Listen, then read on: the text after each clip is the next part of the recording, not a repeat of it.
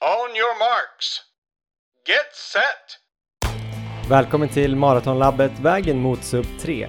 I den här podcasten följer ni mig, Johan Forsstedt och Erik Olofsson på vår väg mot att springa maraton under tre timmar.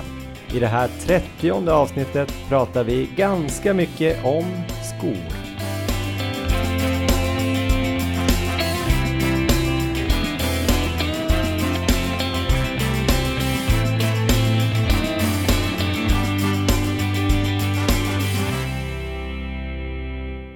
Ja, god dag, god dag! Erik Olofsson, ny vecka, nya möjligheter. Eh, hur är läget? Alltså Johan, jag kan inte göra det här utan nedräkning. Jag är så inkörd på det så att vi bara måste räkna ner. Ja, men vi kanske ska köra en live-nedräkning här i eh, podden. så här kan det låta när vi försöker räkna ner så vi kan synka våra ljudfiler i efterhand. Vi kör från fem, fyra, tre, två, ett, noll. Ja, välkomna till ett nytt avsnitt av Maratonlabbet. Kan det vara avsnitt 30? Har du ätit tårta idag Erik? Eh, det har jag inte, men det stämmer. Det är avsnitt 30. Det är ju helt magiskt. Det är lite som eh, de första 30 kilometerna på ett maraton och det är nu det kommer bli riktigt jävla jobbigt de sista 12. ja, jag hoppas du får fel, men eh, det, så kan det vara.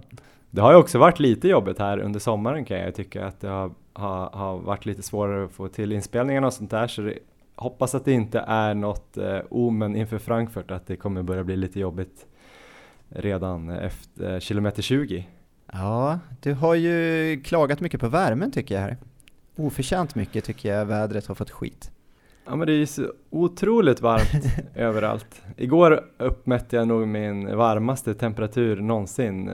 Jag tror jag själv var 47 grader inombords 62 grader på ytan. Jag satt i, stod i en lägenhet och gjorde en halloumi-sallad klockan fyra. Solen låg på, tre stora fönster i lägenheten, alla mot solen. Omöjligt att få till något korsdrag. Det var så varmt så jag visste inte riktigt vad jag skulle göra. Man är inte så sugen på att sticka ut och springa då heller. Nej, jag förstår. Ska vi göra så att du börjar lite och berätta om din löpning här idag kanske? Kan jag väl göra. Eh, min löpning går väldigt bra ibland och ibland känns det som att det är hopplöst dåligt. Jag tror att det beror lite på värmen och dels eh, att jag har flängt runt lite väl mycket och inte hittat någon riktig struktur och sen så hade vi någon hård vecka där när vi var uppe på fjä i fjället och sprang och O-ringen kanske tog lite hårdare än vad jag tänker att det ska göra. Um, och sen så hade jag lite problem med knät då, men det visade sig ju bara vara en fantomsmärta, en Just sympatismärta det. för att du hade ont. Så den försvann ju när du kunde börja springa igen, det var ju skönt. Ja, precis. Vet du mycket om det där med sympatiskador eller? För du verkade ju misstänka det ganska tidigt och ja. diagnostiserade mig med en sympatiskada och ingen riktig skada. Ja, men det kändes ganska givet där så att jag, jag var tvungen att skriva det till dig och efter det vart det ju bra. Eller slutet av förra veckan var inte bra, där mådde jag ganska dåligt. Jag tror det var lite värmen, sen tror jag att jag var lite sjuk där eh, i veckoslutet. Så jag vilade faktiskt torsdag och fredag, eller vilade och vilade, jag åkte runt halva stan och letade barnvagnar. Eh, men sen lördag så ryckte jag upp mig och tänkte så här, äh, det är säkert bara inbildning. Jag måste gå och träna för att få lite adrenalinpåslag eller endorfiner, det är kanske är bara det som krävs. Så då gick jag och gymmade. Ja. Eh, tänkte så här, gud vad skönt att komma till gymmet och få vara i lite så här aircondition miljö. Eh, fast det var ju typ en byggarbetsplats på gymmet jag skulle till och det var ju lika varmt inne som ute så det blev en svettfest.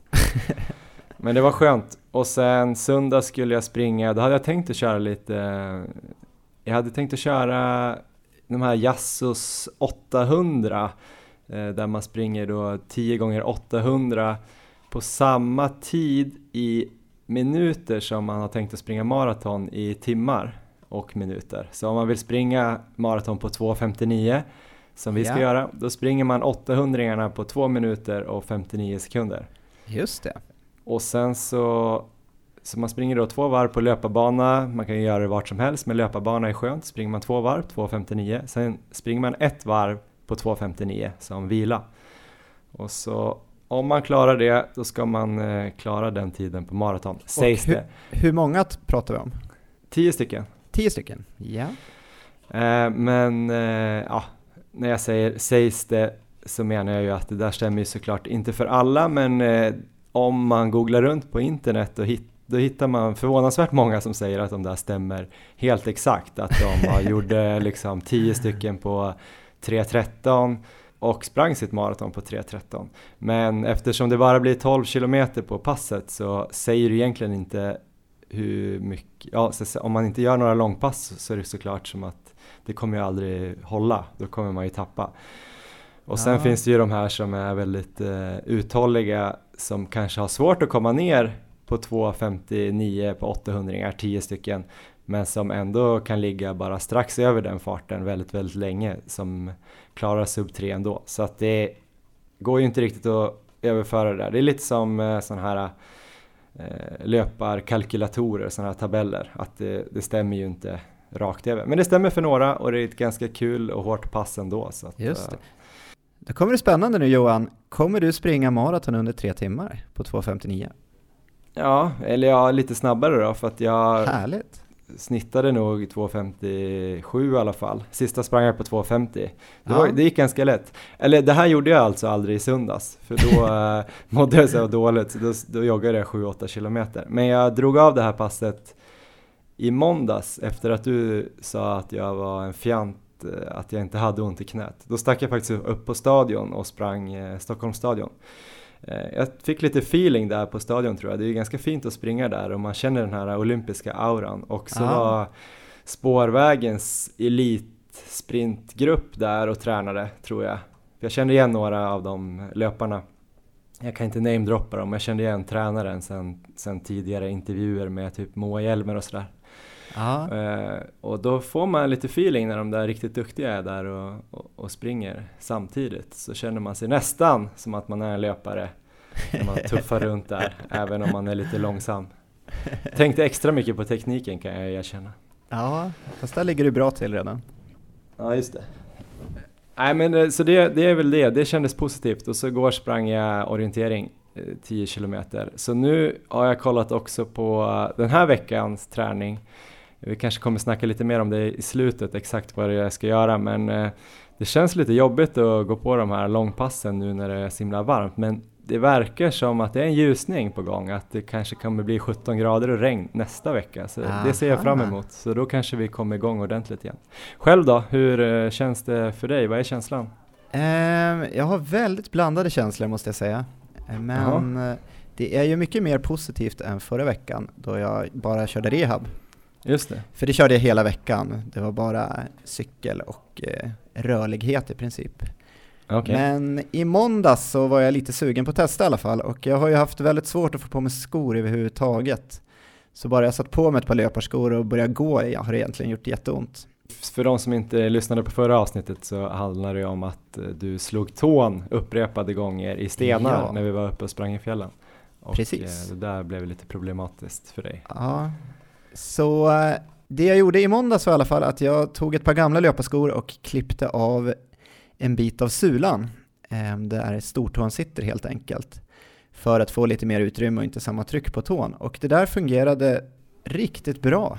Jag varit väldigt överraskad när jag började springa för att det var Ja, det var i princip inga problem alls, utan jag kunde springa på det. Jag hade tänkt bara springa extremt lugnt, kanske 5 kilometer, men jag tog mig runt 10 kilometer, varav vissa kilometer där jag drog på lite högre fart också. Så att, eh, det var ju riktigt bra. Det var jobbigt däremot, det var ju fruktansvärt jobbigt.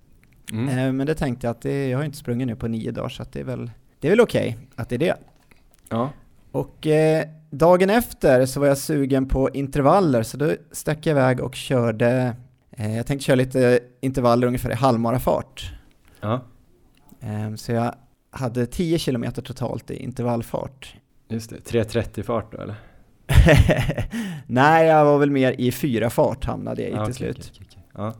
Så ehm, jag började med 3 kilometer och sen så joggade jag 500 meter och sen så körde jag 2 gånger 2 kilometer och avslutade med 2 gånger 1 kilometer.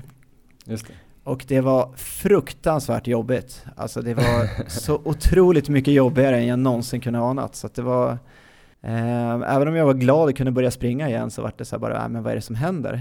Vad har, vad, vad har hänt?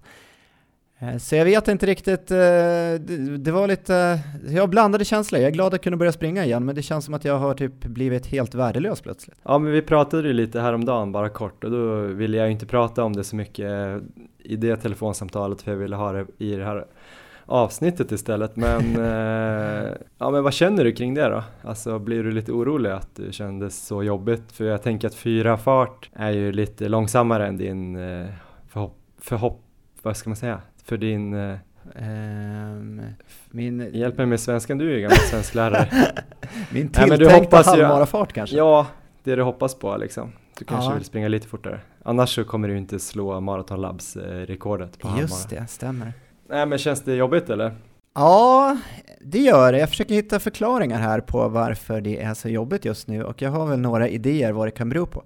Och nummer ett är ju förstås värmen. Det var ju trots allt 30 grader när jag körde det där passet. Så att, ja. Det var ju mitt på dagen, så att det, det lär ju spela in. Ja. Um, nu klagar ju du också på värmen. Nej, jag älskar värme, så att det, det är bara härligt. Jag, ja. jag gillar det. Ja. Men eh, det andra som jag skulle kunna tänka mig spelar in lite, det är att jag eh, nu slutligen här har börjat ta tag i min kost. Mm. Eh, jag tycker jag ätit ganska dåligt egentligen hela året. Eh, men sen tio dagar tillbaka ungefär så har jag börjat äta betydligt renare och börjat skippa sådana här saker som jag anser vara mina svagheter, typ lösviktsgodis, mjukt bröd, smör, sådana saker. Mm. Um, och äter betydligt bättre nu under de senaste tio dagarna, så jag funderar på om jag kanske har fått i mig för lite kolhydrater eller för lite energi till passen. Ja, just det. Ja, vi pratade ju om det i det där kostavsnittet med Linda Backman, att om man tränar riktigt mycket så kanske man till och med behöver äta lite dåliga saker för att få i sig rätt mängd energi totalt sett. Eh, ja. Det kan ju vara, sen ska man inte trycka i sig allt på så snabba kolhydrater, men eh, att man kanske har lite eh, ja, men lite mer utrymme för att äta lite, lite sämre saker och att det nästan är att man äter för rent så kan det vara svårt att få i sig energin till exempel om man bara käkar broccoli och lax typ. Ja, så precis. blir det rätt mycket få i, få i sig energimängden. Ja, jag vet inte, har du märkt någonting på vågen också eller? Ja, jag har nog gått ner en del, det tror jag. Mm. Redan och eh, så, ja men det, det är väl lite så här, jag vet inte, det har lite dubbla sidor. Jag vet inte om det riktigt är, kommer vara bra för mig eller inte att uh, göra det här. För att det känns som att uh, om det nu är det så kommer ju kvaliteten nu i passen kanske gå ner lite. Ja. Vilket inte är bra. Um, samtidigt så känns det ju, ja, jag vill ju ändå äta bra så att säga.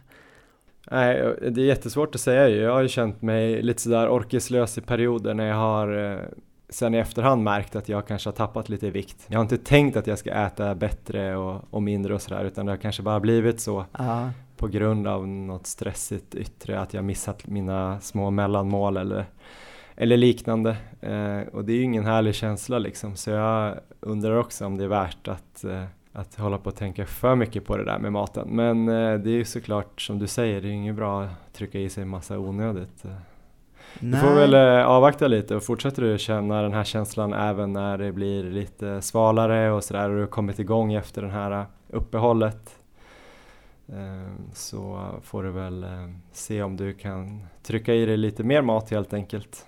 Ja precis, vi får avvakta. Jag kommer att köra på ett tag till i alla fall och sen så kommer jag utvärdera. Så får vi se.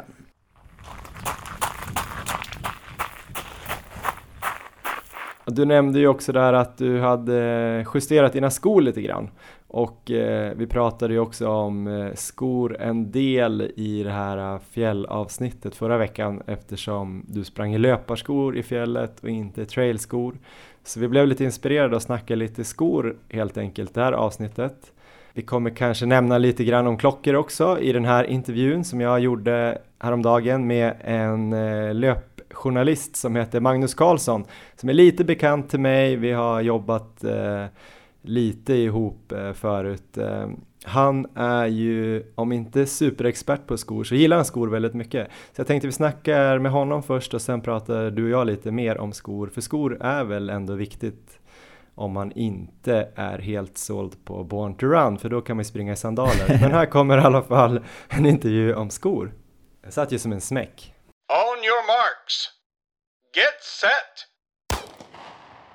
Yes, då har vi Magnus Karlsson eh, på tråden. Frilansjournalist, löpentusiast och skofetischist. Ja, Stämmer det? stämmer ganska bra. Du har ju skrivit mycket för olika träningstidningar eh, i, under åren. Du har också gjort den här mycket underhållande träningspodden Piskan och moroten med Ina Lundström. Hur går det med den podden först och främst? Ja, vi har väl en paus på obestämd tid kan man säga.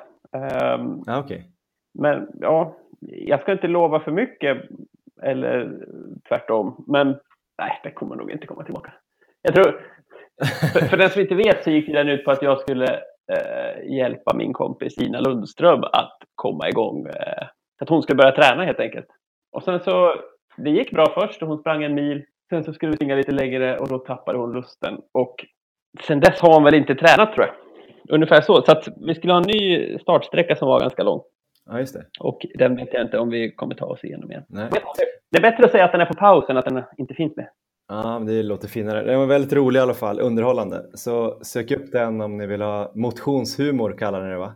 Piskan och moroten. Men idag tänkte vi prata eh, om lite prylar, men framförallt om skor. Vi får se hur långt vi hinner, men eh, innan vi börjar så tänkte jag, jag har några kontrollfrågor här för att se om du är en värdig intervjuperson. Ett, eh, är ditt personliga rekord på maraton under eller över tre timmar? Ja, det är under. 2.58 har jag Ja, det är bra. Det är bra. Och fråga två, hur många löparskor äger du just nu? Just nu kanske 25 par, något sånt. Då tänker jag att du är en värdig intervjuperson i alla fall. Va varför har du så många skor? Uh, jättebra fråga. Jag tycker det är ganska roligt och sen så har jag, jag har jobbat med att testa olika skor och sådär. Gjort uh, skorecensioner och sen så jobbar jag en del för ett skoföretag där jag testar en del uh, produkter. Det blir ganska mycket. Men, och jag gillar också att ha många olika skor. Men sen så försöker jag rensa ur dem titt som tätt. Just nu står det en sån här stor uh, ICA-kasse full med skor som jag ska skicka iväg till någon loppis. Jag hinner inte använda 25 par jättemycket kan man väl tänka. Så då försöker jag göra mig av med dem ibland också. Men om man skulle börja med typ så vanlig löpträning eller vanlig maratonträning om man tänker sig så lite mer klassiskt att man springer asfalt och kanske lite bana och grusväg lite sådär. Inte, man sticker inte ut på några obanade äventyr. Hur många skor skulle du säga att man behöver då egentligen och, och varför? Jag hade nog satsat på eh, tre par hade nog jag ändå tyckt eh, att det finns en poäng att ha. Särskilt om man ska satsa lite mer då som ni gör med på tänker jag. Eh, för då hade jag haft tre par där jag har ett par som är liksom väldigt eh, dämpade och stabila och sköna liksom. Som jag kan ha till, till mängdträningen. Som verkligen är riktigt bekväma att springa i och eh, där jag inte drar på mig skador om jag är ute och nöter dem. Eh, fem, sex mil i veckan eller vad det nu kan bli. Sen så hade jag haft, eh, i, i, andra änden av det spektrat då, hade jag haft en väldigt eh, tung sko eh, som är lätt, eh, vilket också hade varit skon som jag tävlar i om jag springer millopp eller halvmara. Eh, och de hade jag då haft till intervaller. Eh, just för att jag tycker att om man har en lättare sko så får du mycket bättre känsla på intervallerna och du får ett eh, lite roligare löpsteg och lite bättre tryck. Eh, och då blir det också roligare att springa intervaller. Och sen så hade jag haft en sko som är någonstans mittemellan de där, som är Eh, lite lättare än distansskor men ändå lite mer stabil än eh, intervallskor. Eh, och, och den, den typen av skor använder jag mycket till om jag ska springa snabbdistans eller tröskel eller vad man nu kan kalla det. Eh, alltså att jag ska ut och köra kanske en mil i lite högre tempo utan att ta ut mig fullständigt. Då tycker jag den typen av skor är väldigt skönt att ha. Ja. Men de här lättare skorna, eller de lättaste i, de, i den här lilla uppsättningen, skulle det vara alltså intervaller typ eh, upp till en kilometer då och sen, sen om du skulle säga att du skulle göra, jag vet inte, sex gånger två kilometer i tröskel eller något, då skulle du gå på mellanskorna alltså? Nej, men den korta kör jag nog gärna. Eh, en kilometer är inga problem. Eh, och ibland lite längre också. Eh, där får man väl prova sig fram. Man får ju oftast skönast löpkänsla ju lättare skor man har tycker jag. Eh, men eh, andra sidan av det myntet är att man blir rätt sliten av det. Så att man får försöka hitta liksom, eh, någon bra kompromiss där och prova sig fram om man tycker funkar. Då. Jag läste precis en artikel på maraton.se som handlade om det här med vikt och där stod det att många studier visade att en sko som var 100 gram lättare tjänade man 1% på tiden. Eh, något sånt. Om det då var samma dämpning i övrigt liksom. Alltså, för om man kör barfota så är det inte som att det är bättre än att ha skor för man får också lite av dämpningen får man lite plusprocent. Men om, om skorna i övrigt är lika så är det 1% bättre varje hundra, var hundrade gram. Hur tänker du där eh, liksom, när du sen ska springa ditt maraton? Alltså vilken sko tar du då och mycket, hur mycket vågar man gå ner så att säga för att tjäna tid innan man tappar för att det blir för hårt? Liksom? Ja, jag fattar. Eh, det där var en bra fråga. Jag är ju egentligen inte maratonexpert. Jag har bara sprungit en traditionell mara en gång. Eh, men då hade jag den, den skon som jag nyss beskrev som min snabbdistanssko. Eh, sprang jag eh, maran i. Nu fick jag väldigt, väldigt ont efter maran men jag tror inte att det berodde på skorna utan snarare på o, o, eh, obefintliga långpass och lite dålig träning. Så jag hade nog, och, och, när det gäller maraton så hade jag, mm, ja det är svårt att säga, men jag tror att då hade jag valt den inte allra tunnaste skon. För att den, den skulle jag inte vilja springa mer än 30 kilometer i. Liksom. För då börjar det bli ganska jobbigt sen. Däremot om jag springer en halvmara då kan jag göra det i mina race-skor, alltså mina intervallskor. Eh, men då, då är jag också riktigt trasig några dagar efteråt sen. Alltså vaderna tar ju rätt mycket stryk. Eh, och resten av kroppen också då. Men ja, man blir rätt mör helt enkelt. Bara för att specificera vilka skor, vilka skor har du nu liksom, i de här tre olika? Uh, just nu så springer jag, uh, om det är tävling, så jag har mycket, jag har mycket Salming-skor just nu. Då springer jag antingen i en som heter Salming, nu ska vi se, Race heter den. Den är jätte, jättetunn. Jag är lite dålig på vikten men jag tror den ligger en bit under 200 gram. Eh, så den är super, super tunn. Eh, sen så om jag springer ett steg ovanför det, alltså snabbdistansskon, så brukar jag ha en som heter Salming Distance. Som är, den är lite mer dämpad, lite tyngre, men den har ändå schysst löpkänsla. Och, sen så som väldämpad sko så har jag väl sprungit massa olika. Ett tag sprang jag i en sån här sån Asics Cayano. Det är väl en av världens mest sålda löparskor tror jag. Och jag har sprungit i Adidas eh, som heter Ultra Boost.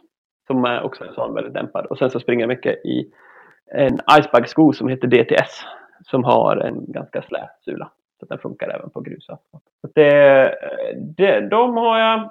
Sen så har jag också en eh, sko från New Balance som jag tror heter 1400. Och den har faktiskt satt mitt milpers i. Och även mitt halvmarapers tror jag. Mm. Vad är ditt milpers nu för tiden? Och halvmara? 35,11 på milen och 1,21 på halvmaran. Ja, det är snabbt. Borde inte du springa snabbare på halvmaran snart? jo, det kan man tycka. Jag har försökt några gånger men det går liksom aldrig som jag har jag hoppas. Men jag ska göra ett nytt försök nu i eh, september i eh, Köpenhamn. Då ska det vara platt och fint har jag förstått. Men jag, det är sällan det blir så här långa fina block av bra träning. Det är alltid något skit. Men eh, en sista fråga, du är ingen maratonexpert sa du men du har ju testat mycket skor och du känns som att du har koll. Finns det någon så specifik sko som du tror att man kan tjäna mycket tid på ett maraton med? Alltså till exempel Nike har ju några som heter Vaporfly mm. eller något som, som ska vara extra snabba mm. liksom. Och att man kanske får ut energi av eh, jag tror nästan alla stora märken har någon egen sån där teknologi nu för liksom energiåtergivning i, i sulan. Eh, det tycker jag absolut man kan testa. Sen är jag inte helt övertygad på om det liksom blir någon bevisad effekt eller så vidare. Men det där med om man kan lura huvudet, det tycker jag inte man ska underskatta. Så jag tycker absolut man kan testa någon sån sko. Jag har inte testat den Nike-sko själv, men jag är väldigt sugen på det. Den verkar, de har ju hypat upp den rätt bra. De körde väl med den när de gjorde det här sub 2-försöket på Monza-banan där. Eh, uh, jag, men jag kommer ihåg att jag testade när Adidas kom med sin sån. Den hette ju Boost, deras teknologi. Då testade jag några sådana skor. Och då var ju det helt nytt, men då tyckte jag att man kände eh, en liksom så här, ett schysst tjung i skon eller vad man ska säga. Men det är svårt att veta om det beror på att det faktiskt var så eller att det bara upplevdes så för man hade sett jäkligt mycket schysst reklam om det. Men, men jag tycker absolut man ska testa och, och, och, se. Och känns det bra så känns det bra, då är det bara att köra. Eh, jag tycker absolut att det där med att spara lite vikt på skorna är det viktigaste. Liksom. Men jag tänkte, om man går vidare lite mot så här, om man går av eh, den vanliga träningen, så där, om man söker sig ut i, i skogen eller fjäll eller någon typ av annan terräng. Eh, när vi var i fjällen här för någon vecka sedan eh, i, på Maratonlabbet eh, expedition typ, eh, så hade Erik sina gamla landsvägsmängdskor Mm. Vilket funkade typ okej okay för honom tills han började slå i sin ena stortå i alla fjällets stenar typ. Eh, du har ju sprungit ganska mycket på fjäll. Hur viktigt skulle du säga att det var, är att ha någon form av trailskor där? Jätteviktigt skulle jag säga. Uh, och även om man springer i skog då. Uh, mm. Kanske ännu mer i skogen nästan. Det, mm. Ibland säger man ju så här att Eh, du skulle inte sticka ut och springa i gummistövlar. Och det är väl lite samma sak. Alltså, tänk dig att du ska ut i skogen. Och det är, det är mm. stenar och det är rötter. Och typ orientering. Liksom. Det blir ju andra änden av spektrat. Då behöver du verkligen, verkligen bra skor. Och det behöver man av flera olika anledningar. En sån asfaltsko är ju inte gjord för annat än att springa på asfalt. Den har ju ofta ett ganska högt eh, dropp. Eller nu har väl inte alla skor det, men traditionellt har de haft typ 12 mm kanske. Och det är ju skillnaden mellan hälen och, och tån, typ. Kan man säga. Ja, om de inte hänger med på dropp. Precis. Och dessutom, eh, om man tar din Pegasus till exempel, den har väl också en ganska tjock sula. Liksom. Mm. När du kommer med de två sakerna och ger dig ut på en stig, då kommer du komma ganska högt ovanför stigen. Liksom. Vilket innebär att eh, du får inte riktigt känsla för var du har underlaget. Och om underlaget då hela tiden varierar, då blir det ganska lurigt. Och då är det ganska lätt att snubbla. Och det kanske är det som hände Erik. Eh, så att mm, om man ska då ha en sko för terränglöpning, och då menar jag terränglöpning i riktig terräng, inte så här när man springer på gräs, eh, som löpare ofta kallar terränglöpning. Då, då, då, skulle jag säga att du behöver en sko som har bra markkontakt, liksom, som gör att du är nära marken. Gärna ganska lågt dropp. Lägre dropp ju tuffare terräng du ska springa, alltså ju stökigare terräng du ska springa. Och sen så behöver du ju ha bra grepp. Det är väl kanske det allra viktigaste skulle jag säga. För att en, en sån sko som Erik då hade, den är ju gjord för att springa på asfalt och kanske lite grusväg. Eh, men när det kommer till stenar och rötter och spänger, då blir det något helt annat. Och eh, om du i den ekvationen sen slänger på lite regn, det är då det verkligen händer grejer. För då blir det ju snorhalt överallt om du inte har en, en sula med bra grepp.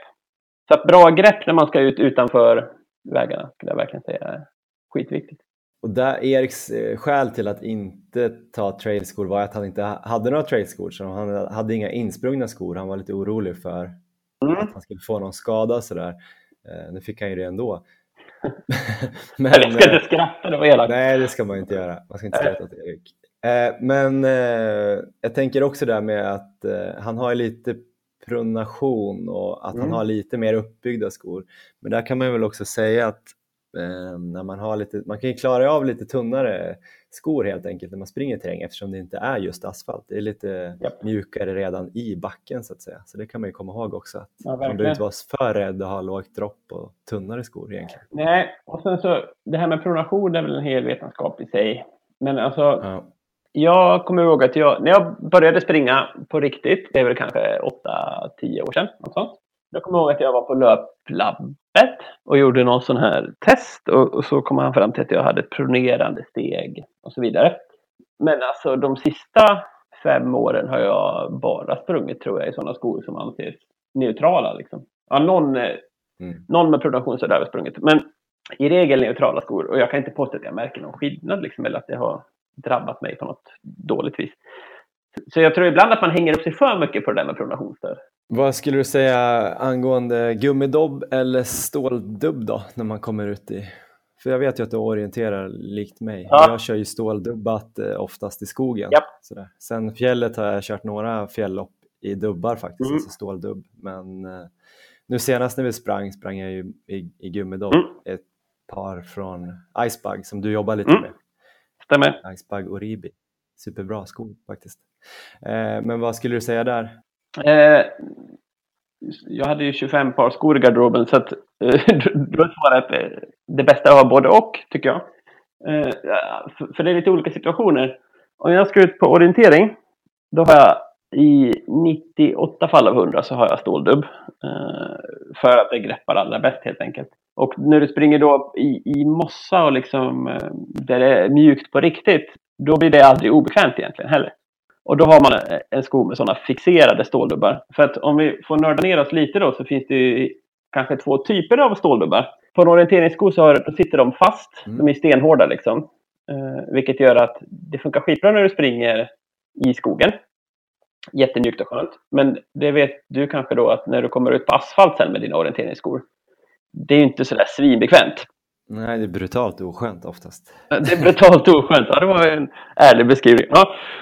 Men då har jag några skor också med eh, en fjädrande ståldubb.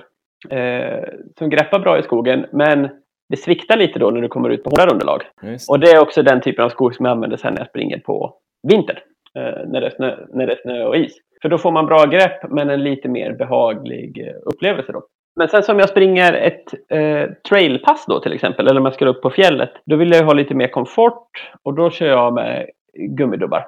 Eh, för det ger ytterligare komfort liksom. Och är det bara bra gummidubbar så får du ändå tillräckligt bra grepp. Men om jag däremot skulle springa traillopp och det är Säg att det har spöregnat i en vecka och det liksom är riktigt sånt grisföre i skogen. Alltså det är massa lera och det är blött och, och så vidare. Då skulle jag kunna köra med orienteringsskorna egentligen. Uh, för att de fixerade ståldubbarna, de kommer alltid greppa allra bäst. Liksom. Så enkelt är det. Nej, men jag tänkte bara när du ska ju upp till fjällen eh, efter, mm. nu i eftermiddag till och med. Jag vet inte om du skulle fiska eller springa eller vad du skulle göra, men eh, låt oss säga att du ska springa också. Eh, hur många skor har du med dig upp på en sån resa om du också tänker att du kanske vill springa lite vanligt på väg till exempel? Har du liksom fem par? nej, det, nej, nej, det har jag inte. Nu ska vi faktiskt bara vandra och fiska, men om jag skulle ta med ett par skor då nu avslöjar jag min skogarderob igen, men då hade jag tagit mina, jag har också ett par sådana Orribi som du hade uppe i fjällen nu. Och det är liksom, då är det en sko som funkar, dels funkar den till, den har gummidubb då för det första. Och den funkar till mm. eh, grusväg och stig utan problem. Liksom. Och den är lätt men har ändå lite, lite dämpning. Så att, vad ska man säga, en allround trail sko helt enkelt. Som också funkar när det är grus. Det är det jag hade satsat på om jag inte har eller om jag har begränsat packningsutrymme helt enkelt. Däremot om jag skulle åka till, vi säger att jag skulle åka upp till fjällen och vara där i två veckor och hinna testa massa olika saker. Då hade jag velat haft en, eh, en dämpad trailsko, en mittemellan trailsko och en lätt trailsko. Men det är ju jag det. Mm. Min sambo klagar alltid på att jag alltid har med mig liksom, tre, fyra par skor oavsett vart vi ska. Vart har du alla skor när du är hemma då? Har du någon garderob eller? Ja, jag har liksom uppe på den vanliga garderoben har jag som tre såna här stora plastbackar med liksom fulla skor. Det är väl kanske inte optimalt. Jag, vet inte. jag tror man skulle behöva lufta dem lite oftare. Men ja, det är som det är helt enkelt. Det är en speciell lukt inne i er lägenhet eller? Ja, det kan man säga. Men man lär sig leva med den också. Ja, vi tänkte prata lite klockor också här i slutet. Eh, det är många som frågar och undrar vilka klockor man ska ha kanske för ja, men GPS och puls då framförallt. Eh, vad skulle du säga är viktigast eh, när man väljer en pulsklocka? Eller är det viktigt att ha för det första? Ja, vi kan börja där. Jag tycker att det är en jättebra grej att ha. Särskilt då eh, om man har liksom, eh, ett mål med sin träning. Och, och, det är bra att ha. Men att man vill någonstans. Som i ert fall då när ni ska under tre timmar. Eh, jättebra. För att du kan styra så att du eh, ligger i rätt pulszon och att du tar i tillräckligt mycket eller att du springer tillräckligt långsamt. Du får, du får data och data är bra. Så kan man väl säga. Eh, men också då jätteviktigt att man faktiskt använder pulsklockan. Jag vet att det är jättemånga som köper ganska dyra klockor. De här kan ju kosta 4-5 tusen spänn. Och sen så använder de inte ens pulsbandet. Och det är väl eh, en vaskning kan man säga. Eh, så att eh, köper man en så ska man använda sig, man ska använda den och man ska lära sig använda funktionerna tycker jag. Sen kan man ju då fundera på vad man ska ha för typ av klocka. Då kan man ju säga att det finns ju två spår där. Dels kan du ha en renodlad löparklocka som har löparfunktioner. Den är gjord för löpning. De är ofta eh, väldigt lätta och så vidare. Sen finns det det här som kallas multisportklocka ofta. Kan vara lite mer robusta. Eh, men då har de ofta stöd för massa typer av träning. Jag har en själv som heter, eh, jag tror den heter Fenix 3 från Garmin. Och, och då har den stöd för liksom swimrun och den har landsvägscykling, jag har mountainbike, jag har längdskidor, jag har vandring, jag har olika inomhusträningar. Och då har jag som olika inställningar för varje sport. Till exempel om jag cyklar så vill jag se min fart i kilometer i timmen. Men när jag springer så vill jag se den i minut, vad heter det? minut per kilometer. Så att, eh, då har man stöd för alla de olika grejerna och när du då tränar med rätt aktivitet i klockan så får du in det med eh, rätt i Garmin Connecten. Så att man får en bra träningsdagbok utan att behöva jobba för den så att säga. Så det tycker jag är bra. Eh, men springer man bara, om man enbart springer, då hade jag satsat på en sån löparklocka. Så lätt som möjligt och med löparfunktioner. Och nu, det har ju kommit mycket bra funktioner på klockorna de sista åren. En sån löparklocka, då har du ofta eh, en kadensmätare så att du kan se hur många steg du ska ta per minut. Eh, och det är en skitbra grej om man jobbar med att få upp sin kadens. För det är väldigt vanligt då att man tar för få steg när man springer. Och då man vill komma upp i sina 180 steg per minut, då kan man till exempel sätta på ett larm som varnar när du springer lägre än 175 till exempel. Mm. Och då vet man att nu är det dags att öka frekvensen. Och den typen av verktyg är skitbra.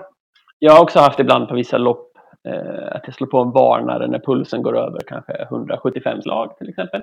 Då vet man att nu borde jag sakta ner lite eller ta i lite mindre. Så det finns många sådana bra verktyg som jag tycker man ska lära sig att använda. Och bara en sån sak som intervallfunktioner finns det i många klockor.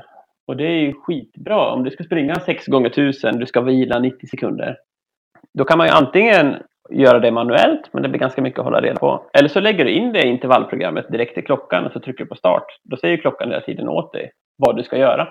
Och det använder jag jättemycket. Så att man, ett intervallpass vill du tänka så lite som möjligt. Du vill ju bara mata liksom. Eh, så det skulle jag gärna slå ett slag för. Mm.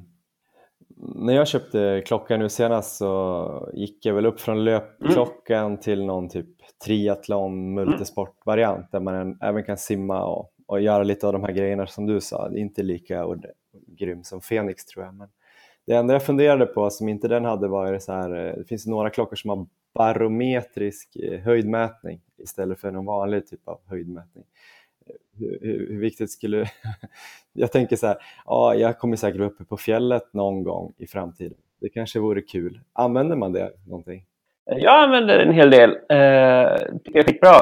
Särskilt om du ska på... Säg att du ska springa någon sån här fjällmara till exempel. Och så vet du att eh, den högsta toppen där ligger på 1600 meter. Då, då, tycker jag det är ganska skönt att veta hur många höjdmeter jag har kvar. Och poängen med som barometrisk höjdmätare då är att den blir mycket mer exakt jämfört med en sån traditionell. Jag tror att den traditionella mäter på något vis eh, på kartan vart du är. Och sen så, men den kan ju till exempel krångla. Som på Göteborgsvarvet vet jag, när du springer över Älvsborgsbron och Göta älvbron de gamla klockorna fattar inte att du sprang över en bro, för den tror att du springer på vattnet. Liksom. Eh, så att det finns ju sådana... Om man tycker att det är kul det där med att veta hur många höjdmeter man har sprungit på riktigt, då ska man absolut satsa på en sån eh, barometrisk. För det kan ju också vara, det kan ju göra ganska stor skillnad om du vill titta på ditt pass efteråt och se hur fort gick det, hur fort gick de här intervallerna. Då påverkar det ganska mycket om din tusing innehöll 30 höjdmeter eller 3. Ja, en annan grej som också har kommit de sista åren, eller har funnits ett tag nu, med det här med optisk eh, pulsmätning i handleden. Mm. Så man ska typ slippa pulsbandet. Eh, hur tycker du att det funkar? Jag har testat några sådana bara. Nu är det något år sedan jag testade senast. Eh, då funkade de inte så bra. Eh, framförallt inte när det, när det var högre puls. Och då blir det ju rätt meningslöst. Eh, däremot om du bara ska springa ett distanspass och vill hålla lite koll, då är det väl rätt smidigt. Och då kan det vara rätt skönt att inte ha bandet, tänker jag. Men när du är uppe på och nosar på liksom 90 procent av din maxkapacitet, då, då är det ganska stor skillnad med fem slag upp eller ner. Och då tycker jag, då, då måste du ju mäta exakt, annars är det ju helt meningslöst. Så att då skulle jag verkligen rekommendera pulsbanden då. Men jag skulle själv kunna tänka mig att skaffa en sån här handledsklocka just till de här slappa passen. Så slipper, slipper man den där eh, pulsbandsbrännan också. Om man springer utan tröja. Det var praktiskt. Ja, du springer alltid utan tröjor. Man får ju passa på. Ja, superbra Magnus. Ha det så kul uppe i Härjedalen. Ja, tack, tack. Lycka till med din löpning.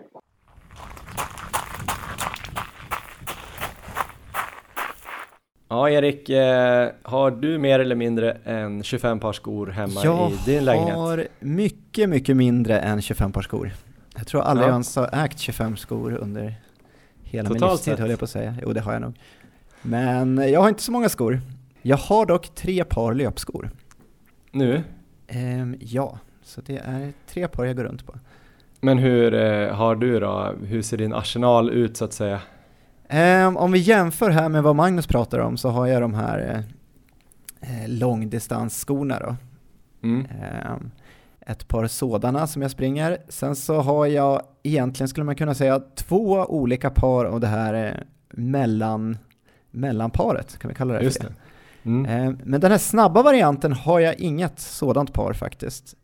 Och eh, anledningen till att jag inte har det är väl att jag har varit lite orolig för mina vader. För förr i tiden, ett, eh, om vi går tillbaka kanske åtta år i tiden eller något sånt där, så sprang jag mycket i den typen av skor. Ja. Ehm, säkert alldeles för mycket och fick stora problem med vaderna och eh, kunde knappt springa i långa perioder. Så då har jag blivit lite så här rädd nästan för att använda för tunna skor. Ehm, så det är anledningen, men jag tror nästan att jag bör kanske tänka om nu och eh, införskaffa ett par sådana skor också. För att kunna kanske få lite extra kvalitet på intervaller och även när vi har sprungit, när jag sprungit de här till exempel milloppen här tidigare under Ja. året så kollar man runt där på de eh, löpare, killar och tjejer som ser riktigt duktiga ut så springer de flesta i den typen av tunna skor så att det är nog bara att eh, göra det helt enkelt tror jag. Ja, kanske. Ja, jag vet inte heller. Det är lite samma för mig faktiskt. Jag har inte heller haft de där tunnaste i min eh, garderob de senaste åren. Jag hade ett par Adidas Adios, tror jag de heter. Ja, Som jag tror att de bästa maratonlöparna som är eh, sponsrade av Adidas har kört med de senaste åren. Nu vet jag inte om det har kommit någon ny maratonsko kanske, men den är ju väldigt tunn. Så det är samma där, jag körde den lite intervaller och så tror jag kanske att jag vågade mig på den på något millopp. Men eh, blev också väldigt stum i, i vaden och eftersom jag haft lite hälseneproblem så har jag inte vågat riktigt eh, köra på den. Så Nej, jag har väl samma som du egentligen. Ett par eh, i den här mellanvarianten och det är ett par Adidas Boston då. ja, Eh, som är lite som Adios fast det är samma passform kan man säga men lite mer uppbyggda, lite mer sula. Eh, och sen har jag ett par Nike Pegasus eh, som jag använder på de här lite längre passen. I Madrid där så körde jag ju mina Boston som eh, var lite tunnare och det gick ju bra. just det. Så jag kommer nog, eh, jag undrar om jag kommer våga köra dem i Frankfurt. Eh, Vad sprang du med i Stockholm? I Stockholm körde jag med mina Pegasus så det var Okej. liksom egentligen min mängdsko kan man säga. Så vi får väl se. Sen äger jag ganska mycket trail och orien- orienteringsskor också.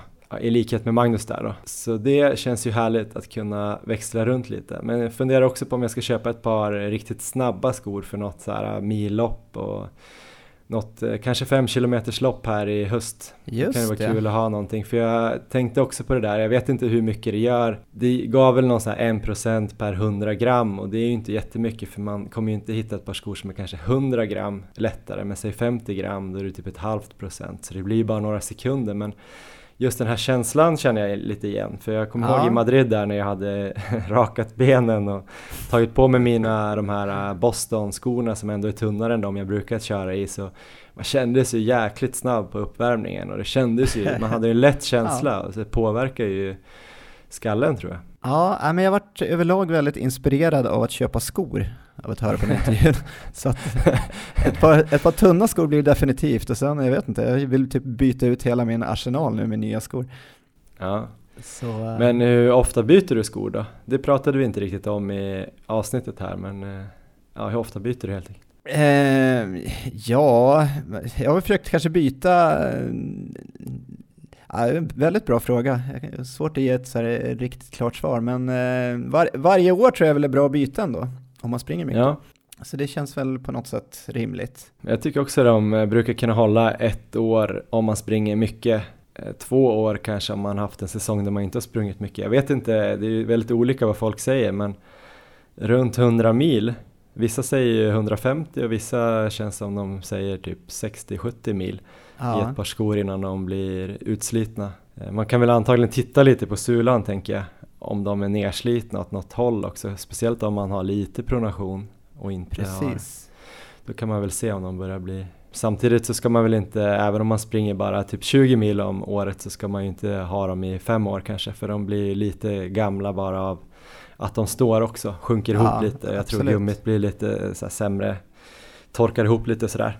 Så eh, ett till två år skulle jag nog säga, eller var hundrade mil. Det kanske är en bra regel så mellan tummen och pekfingret. Sen tycker jag att man känner det lite grann när de blir väldigt stumma i, i, eh, i dämpningen helt enkelt. Så om man då går in, man kan ju nästan ha på sig dem kanske, gå och testa skor på någon skobutik och så kan man ju känna skillnaden på ett par nya i samma märke om man gillar det märket eller den modellen. Så kan man känna, jäklar vad de här studsar, då kanske det är dags att uh, byta. Man ska nog inte vara rädd att eh, byta skor heller, eh, för jag tänker vi har ju ändå som löpare inte så mycket kostnader rent utrustningsmässigt. Nej, så det är, så det är nog, man får nog helt enkelt lägga lite pengar där på skorna. Nej, det är ju svårt att se vad skorna gör för liksom eh, skador och, och, liknande men om man bara misstänker att dåliga uttjänta skor gör att man eh, får lite skador så är det ju väldigt eh, liten investering att köpa ett par nya skor om man, om man kan må bättre av det liksom. Verkligen. Jag tycker det var intressant det här med när ni pratade om pronationsstöd i intervjun. Ja. Det har jag funderat på också här. Jag, har, jag pronerar ju lite tydligen med, med ena foten. Och, eh, är du neutral på den andra eller? Ja, och jag ja. har ju därför eh, haft väldigt så här, begränsade möjligheter till att köpa skor. Jag har inte kunnat välja av alla de här neutrala skorna helt enkelt. Nej. Så jag tycker det var intressant och lite kul att höra det här nu att uh, han kanske inte trodde det var så viktigt, att det går nog lika bra att springa i neutrala skor. För nu vart jag väldigt sugen på att göra det, samtidigt som det kanske är lite dumt att uh, köpa sådana skor nu med 13 veckor kvar till Frankfurt. Tror du om, vad tror du om det Johan? Du resonerar ju så inför den här fjällresan också, att du inte ville testa ett par nya skor för att du kanske skulle bli skadad. Jag vet inte hur ja, det gick. Ja, det gick väl, det gick väl sådär. Nej men jag vet inte, kanske om du ska köpa de här, uh, jag vet inte om det finns så här, uh, såna här lätta tävlingsskor med pronationsstöd för de det har väl lite mindre inte. sula. Ja. Så då kanske du uh, kan testa på dem för då springer du lite högre farter och då tror jag man kanske landar lite mer på framfot, mellanfot och ju mer man gör det desto mindre behöver man väl pronationsstöd antar jag. Ja. Men det är också konstigt att springa med pronationsstöd på den foten som inte du behöver det på, tänker jag. Ja, det har jag aldrig tänkt på faktiskt. Du borde egentligen ha i sådana fall en, en sula i den som du behöver lite stöd. Jag vet inte. Ingen expert på fötter. Kan det här vara anledningen till att jag slog i alla de här stenarna med vänsterfoten? Är det den du pronerar på eller? Um, jag skulle gissa att det är det. Jag kan inte, jag kan inte ge dig ett exakt svar faktiskt nu. Nej, ja, jag tror att det är absolut därför du slog i fot, foten tror jag. Du ja. måste ha ett par snabba neutrala skor. Ja, men då kör vi på det.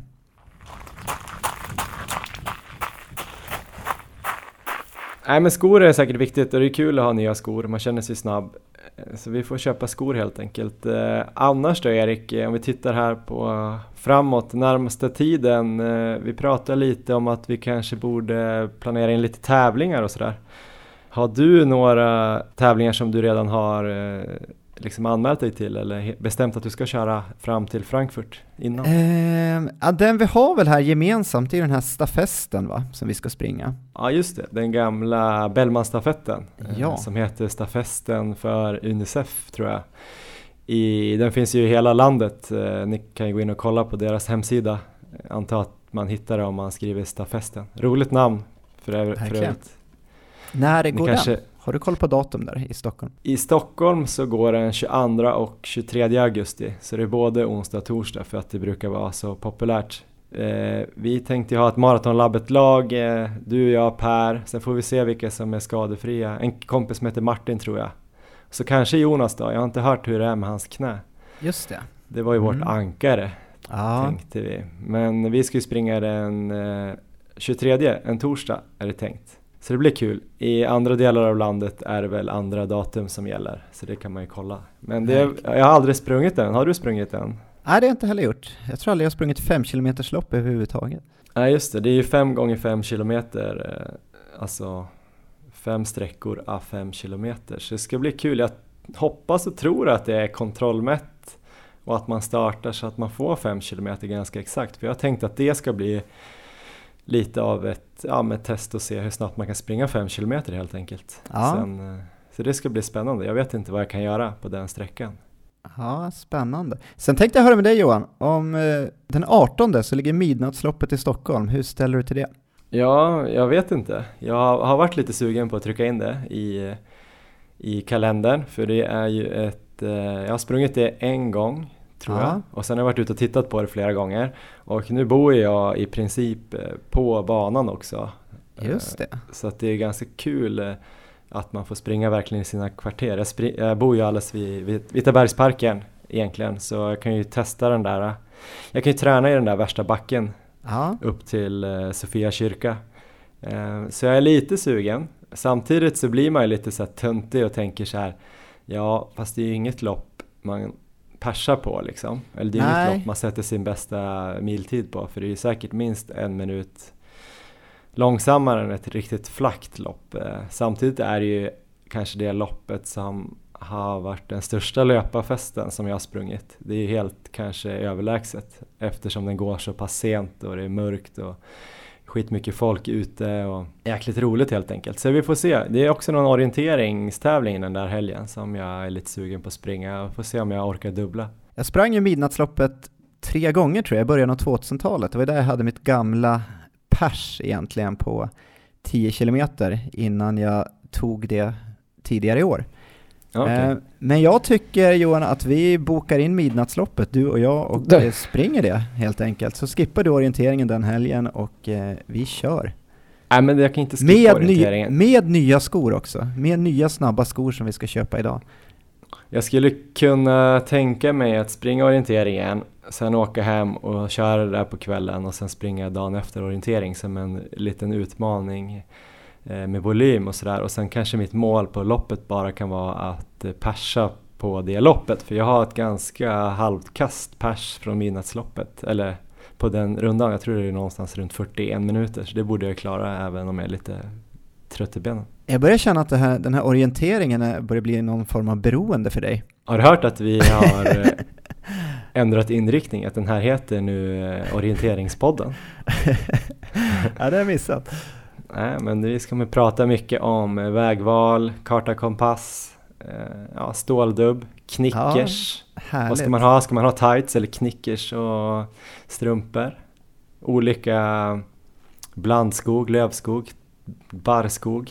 Ja, lite sånt kommer det vara nu framöver. Nej, men vi får väl se Erik. Eh, Jag tycker det är en skitrolig, ett jätteroligt lopp som säkert många som lyssnar på det här också kanske kommer springa. Så det kanske skulle vara kul. Ja, Annars så har jag sett också, det är ett millopp i Vallentuna typ om tio dagar bara. Jag vet Just inte, det. den 11 augusti, en lördag. Det står Ja. på hemsidan, jag har inte sett, det är två eh, fem kilometers varv tror jag. Och det står att det ska vara väldigt flackt. Och eh, jag är lite sugen på, har, jag har gått fram och tillbaks, jag var sugen på springare. Sen har det känts så lite kast och jag har ont i knät. Men nu känns det lite bättre så jag kanske kan bara hinner få in lite snabbare intervaller här så jag får igång kroppen lite så funderar jag på att springa det. Eh, är det något som skulle vara intressant? det skulle det varit. Jag kommer befinna mig uppe i Norrbotten då en vecka. Så Aha. att jag är tillbaka den 16. Ja, Okej, okej, okej. Ja, nej, men får se om jag ska springa det för att jag vill göra en snabb miltid på landsväg i, i höst men eh, det är liksom kanske självklara valet eh, som eh, för många löpare är ju Hässelbyloppet och då kommer jag, det krockar med en, en annan grej som det ser ut. Orienteringstävling. Nej, faktiskt inte. Faktiskt inte. En annan grej. Men Okej. eh, vi får se. Eh, annars är det väl Stockholm halvmaraton har väl du tänkt att springa i alla fall? Ja. 15 september? eller? Mina, mina så här sekundära mål kan man väl säga är ju Stockholm halvmaraton och Hässelbyloppet. Så där hoppas jag väl ändå på att kunna kanske persa på de två. Och sen är det stora målet såklart Frankfurt. Ja, vi får se hur det där går. Men eh, nu då när tån har blivit bra, värmen kanske kommer släppa, du kanske kommer hitta en balans i kosten. Hur kommer du träna tills nästa vecka? Um, det jag har kvar den här veckan är, eh, jag kommer köra ett medellångt pass imorgon och då Just kommer det. jag försöka springa 25 kilometer. Jag hade tänkt springa 25 kilometer i 4.20 fart men nu har det ju varit så otroligt dåligt på slutet så att det kommer bli en riktig utmaning känns det som. Mm. Men jag ska ge mig på det imorgon. Och sen så har jag ett lång, långpass senare i helgen och då tänkte jag köra ett till sånt här fastande långpass. Inte, Okej. för, inte 45 kilometer den här gången utan lite kortare men jag skulle vilja lägga in ett till sånt pass. Och Mm. det känns som att det kan ligga ganska bra nu med vad vi har, 12-13 veckor kvar. Ja, jag har väl också kvar ett eh, långpass och det där medellånga passet den här veckan. Och när jag satt och kollade, jag la upp eh, på Instagram, där vi heter Maratonlabbet eh, för övrigt, så la jag upp våra veckoscheman idag, onsdag, lite sent, men det är för att vi har lite svårt att bestämma oss ibland. Men eh, när jag kollade på mitt schema där så känns det, oh gud vad jobbigt det känns. Med både det medellånga passet på 23 plus uppvärmning blir ju kanske 25 och sen eh, ska borde jag springa ett sånt där typ två och en halv, tre timmars pass också så här. Och utifrån den här veckan med att jag ska flytta tillbaks in, eller flytta in i vår lägenhet igen och fixa en massa andra grejer, ha någon jobbgrej kvar så, här, så kändes det liksom lite stressigt. Och, så jag måste ändra lite mental inställning men nu är jag, det brukar bli bättre när man har skrivit upp det så får jag liksom eh, ja, peppa igång mig själv. Ja, men det är bra att vi lägger upp dem, då får vi lite extra press. Men sen borde vi kanske, jag vet inte, när, hur tänker du kring det här med det långa passet? Eh, Kommer du någon gång göra att det blir ditt långa pass? Vi snackade ju om det förut, så här, för nu börjar Ja. jag fundera på när 23 kilometer, ja, men då kanske det bara är ett medellångt pass fortfarande. Men om det börjar gå upp mot 25-27 plus uppvärmning, kommer du också köra ett långpass liksom på 35-40 den veckan? Eller kommer du då dra ner det, eller hur, hur tänker du? De ska byggas ihop, men det kommer komma lite senare in i den specifika perioden. Okej. Ehm, Så nå- någonstans där så kommer jag ju göra Mm. om mitt medellånga pass till mitt långpass helt enkelt. Ja, det låter bra. Det är ett tag kvar för dig alltså. Jag Ja. funderar på att snart här börja, jag ska försöka komma upp i de där två och en halv timmarna i 4.30 fart. Och just den veckan tror jag inte att jag kommer trycka ett eh, långpass också i alla fall. Men Just det kommer det. nog bli här i slutet av augusti. Så jag funderar på att anlita dig som en liten hare den veckan. Trevligt! Jag, jag hoppas att du kan gå med på det. Så vi får väl se om vi hittar någon tid. Annars Absolut. kanske det finns harar som lyssnar på det här som vill, eh, vill dra mig 4.30 fart. ja, 33 kilometer ungefär. Ja, nej men det låter ju bra. Det ska ju bli lite svalare här i helgen också och nästa vecka så då kommer vi väl kanske börja uträtta stordåd igen. Ja, hoppas på det. Ja, krya på dig Erik. Ja, nu ska vi ut och köpa skor. Ja, hej. Ha det!